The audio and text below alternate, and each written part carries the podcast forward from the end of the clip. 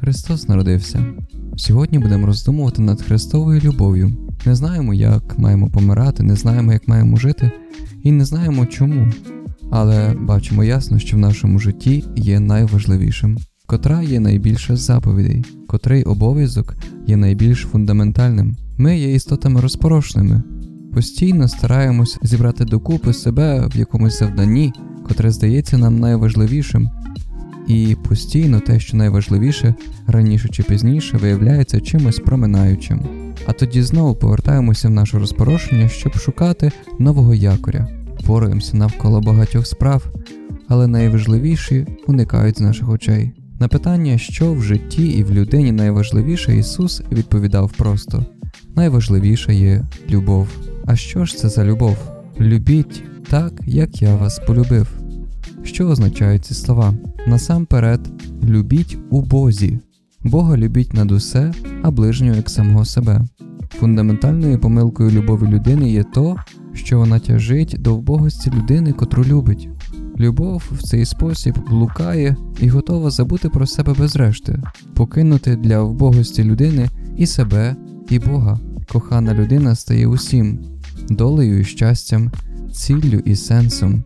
Коли інший відходить, коли не хоче прийняти такої жертви і такої любові, коли вважає її за підозрілу, за невірну собі, кохаючий втрачає землю під ногами. Здається йому, що це кінець життя, втрачаючи коханого, втрачає свого Бога.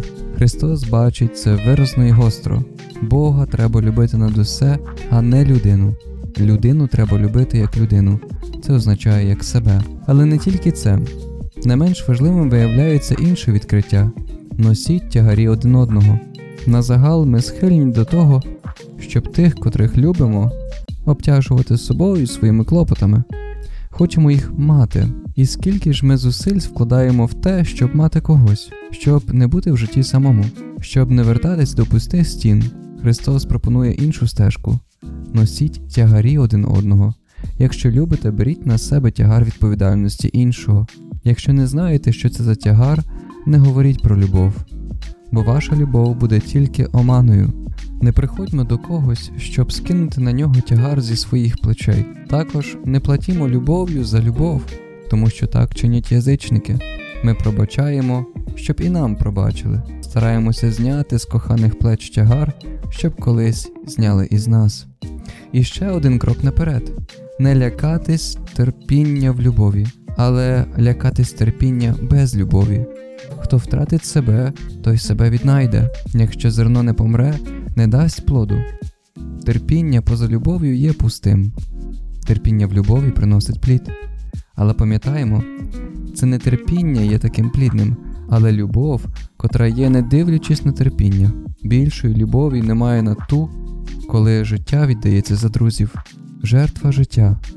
Любов вимагає жертви, але не вимагає жертви з усього. Найбільша жертва любові це жертва життя.